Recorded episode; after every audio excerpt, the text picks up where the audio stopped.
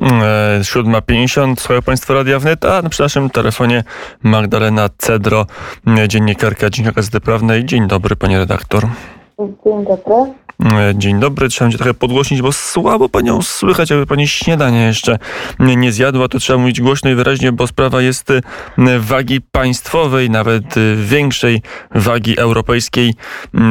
Po pierwsze pytanie, na ile, jak Bruksela przyjęła i jak przyjmie dalej decyzję Polskiego Trybunału z minionego czwartku, na ile ta decyzja wpłynie na usztywnienie stanowiska komisji względem polskiego rządu i względem uwolnienia Krajowego Planu Odbudowy dla naszego kraju. E, czy teraz słyszy mnie pan redaktor lepiej? Znacznie. Wypiłam słuchawki. Dobrze, dobrze. Więc to nie kwestia y, pożywienia. E, rzeczywiście wyrok został przyjęty w sposób bezprecedensowy, znaczy takiej, takiej reakcji ze strony Brukseli, ale przede wszystkim chyba e, innych stolic do tej pory nie było w tym sporze, sporze o praworządność. Rzeczywiście to zakwestionowanie zapisów traktatowych zostało zinterpretowane jako taka, tak, taki grunt pod polexit. Pojawiły się nawet pytania wobec Polski zadawane wprost, czy Polska chce zostać, czy Polska chce wyjść z Unii Europejskiej. No i oczywiście tutaj jest pytanie o to, w jaki sposób ten, ten konflikt zostanie, zostanie rozwiązany. E, no, odpowiedzieć ma na to po analizie e, wyroku Trybunału Konstytucyjnego e, Komisja Europejska. Mm, rozwiązania są trzy. Oczywiście to jest pierwszy, który który się, który się nasuwa, to, to jest Krajowy Plan Odbudowy, z którego mamy otrzymać co najmniej 36 e, miliardów euro. E, I tutaj jest pytanie, czy, czy komisja zdecyduje się na dalsze blokowanie tego, tego, e, tego planu i tych pieniędzy. Mm, druga kwestia to jest wystąpienie, mm, wszczęcie postępowania o naruszenie prawa unijnego, czyli to jest taka standardowa procedura. Polska ma 71 tego typu postępowań. Oczywiście to nie dotyczy tylko sądów, ale bardzo, bardzo wielu innych e, dyrektyw i rozporządzeń. No i trzecia możliwość to zablokowanie, uruchomienie tego mechanizmu pieniądze za praworządność. To jest ten mechanizm, e, przeciwko któremu Polska i Węgry występują teraz w Trybunale Sprawiedliwości Unii Europejskiej, e, a który został ustanowiony no, wokół takich kontrowersji, wokół gruźb Polski Polski i, i Węgier zapowiedzi, że zablokują e, budżet unijny w zeszłym roku.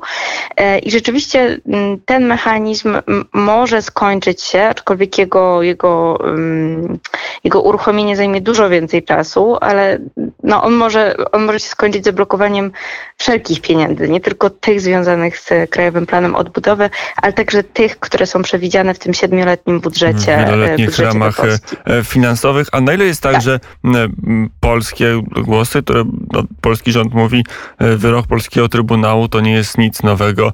Podobne zapadły w wielu innych krajach Unii Europejskiej. Na ile to jest prawda i na ile to e, ten głos jest akceptowany czy, czy przyjmowany w Brukseli? Znaczy, wydaje się, że ten przekaz jest y, raczej y, pada na bardziej podatny grunt y, w Polsce, bo rzeczywiście z tym głosem na przykład dyskutuje opozycja, dyskutują prawnicy, dyskutują eksperci, natomiast ten głos wydaje się zupełnie nie, niesłyszany, niesłyszany w Brukseli. Stąd być może decyzja o tym, żeby premier Mateusz Morawiecki zabrał głos w Parlamencie Europejskim. Ale to jest niesłyszane, bo, bo to jest Polska i można sobie na więcej pozwolić niż wobec Węgier, które w innych sprawach nie mają konfliktu, czy tym bardziej wobec Francji czy Niemiec, które do których trybunały czy sądy podobne wyroki wydawały? Czy to jest tak, że nasz wyrok jest jakiś inny, dalej idący albo, albo bardziej groźny dla prawa europejskiego niż ten chociażby, który e, wydał Trybunał w Karlsruhe?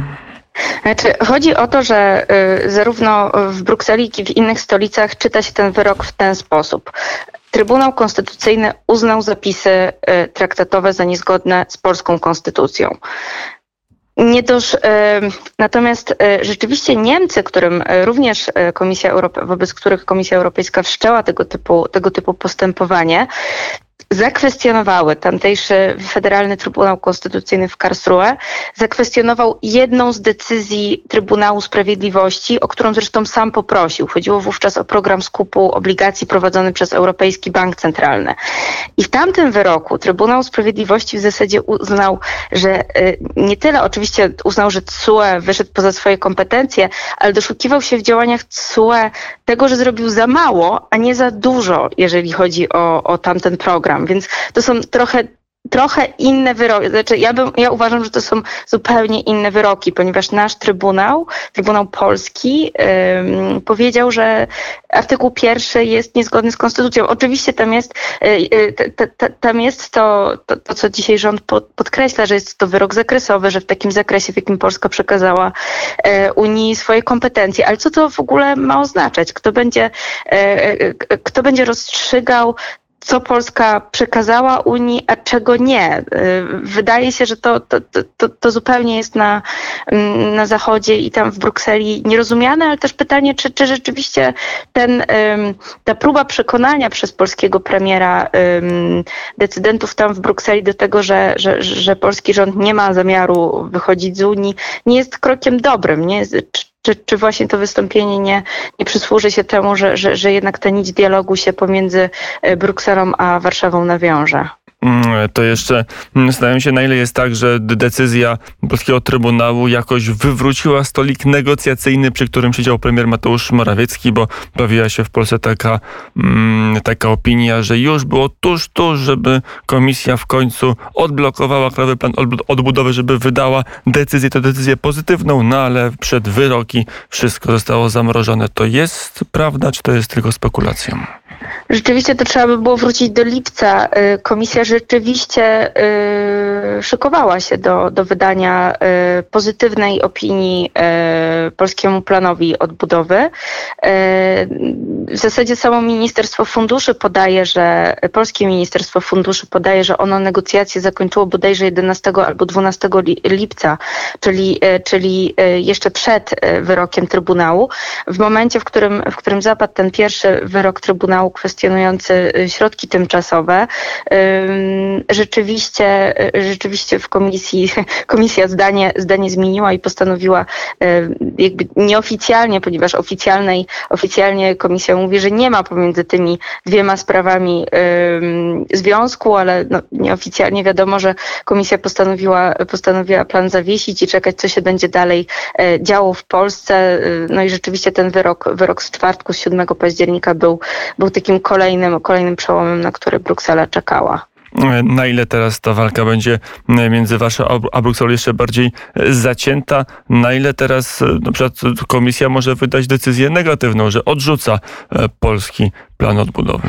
Nie ma takiego trybu, e, że komisja, rzeczywiście tutaj jest, e, w Polsce bardzo dużo się mówi o tym, że to będzie właśnie krajowy plan odbudowy. Też jest takie oczekiwanie polityczne i taka presja polityczna na przykład ze strony Parlamentu Europejskiego, ale też wczoraj, e, wczoraj mówił o tym premier Holandii, żeby to właśnie krajowy plan odbudowy został, został zawieszony. To oczywiście sama komisja, na przykład wczoraj, wczoraj oficjalnie, oficjalnie Komisja Europejska poinformowała, że rozpatrywanym, e, rozpatrywanym rozwiązaniem są te dwa, o których mówiłam, te dwa pozostałe, czyli postępowanie naruszenie prawa unijnego i mechanizm blokowania pieniędzy. I E, sama komisja nie widzi właśnie e, związku pomiędzy Krajowym Planem Odbudowy a nadrzędnością e, prawa unijnego i, i, i tym wyrokiem Trybunału z czwartku. Pytanie jednak, czy ta presja, presja ze strony polityczna, ze strony innych organów, ale też innych stolic y, europejskich nie wygra. Natomiast nie ma takiej możliwości, żeby, żeby odrzucić y, Krajowy Plan Odbudowy. On będzie po prostu pozostawał w takich wiecznych negocjacjach, ponieważ rzeczywiście rozporządzenie nie mówi, my jesteśmy stroną tej, tej, tej całej umowy. Y, pamiętajmy też, że Polska jest poręczycielką, bo, bo Fundusz Odbudowy jest zasilany z pożyczek zaciąganych przez Komisję Europejską to na rynkach tutaj, na ile jest możliwe, że Warszawa jakby wycofa się, powie, skoro e, Komisja Europejska łączy coś, czego formalnie i prawnie łączyć nie powinna, czyli w wyroku Trybunału swoją decyzją co do Krajowego Prawa Odbudowy, skoro łamie standardy prawne, które sama przyjęła, to my wycofujemy się z zdania poręczeń dla kredytów, to my być może także wstrzymujemy częściowo naszą e, składkę do Unii Europejskiej.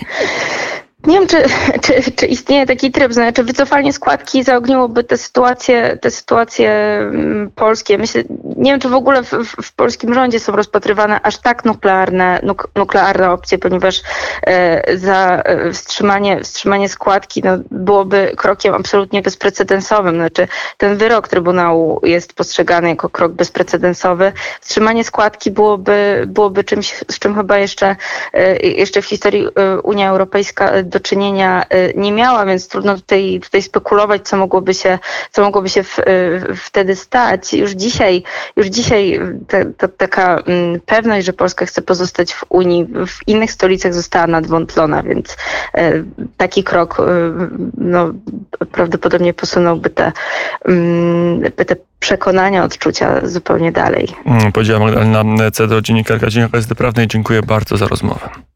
Dziękuję. Na zegarach jedna minuta po godzinie ósmej. Czas na informacje.